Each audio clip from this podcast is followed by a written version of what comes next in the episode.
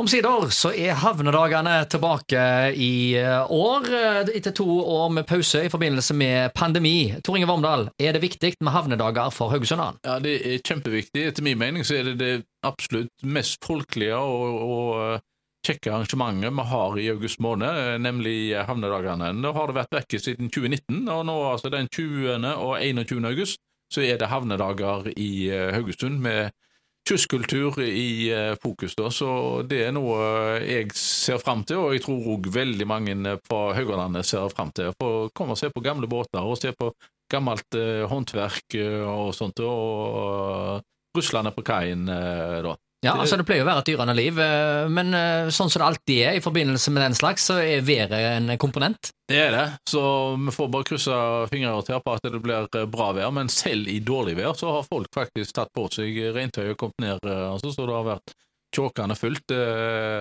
på disse havnedagene. Og nå, Siste i 2019 så var havnedagene lagt til nord ved, eller ved Risøybro. Men nå har de tatt det tilbake. Nå skal ha det der eh, ja, altså Det har jo vært på Indre kai, men det var der med Risøybroen. Men nå skal flytte ja. de tilbake til ut forbi fra altså Knutsakaien og bortover til Togbakken, Torgbakken. Eh, mm. Da er det området der, da, så det var opprinnelig. Så, ja. så det tror jeg kommer til å bli kjempepopulært. da. Så Havnedagene det starta opp eh, allerede i 1990. Eh, det var første gangen en uh, ja, Allerede, sier du? Det er egentlig ja, ikke så veldig gammelt? Nei, altså alt er relativt her i verden. Så, ja, Men det er altså over 30 år siden. Uh, og Hvem var det som prim, primus motor for å få det i gang? Ja, det var, nei, Skjoldal. Altså, Skjoldal var en av de som mm. uh, dro det i gang. Men det er mange, det, de har en stor komité i uh, den havnedaggruppa, så alle navnene der kommer jeg ikke på. Men det er en stor og god gjeng som da faktisk Mange av de som var med å, å dra det i gang, de er der ennå. Mm.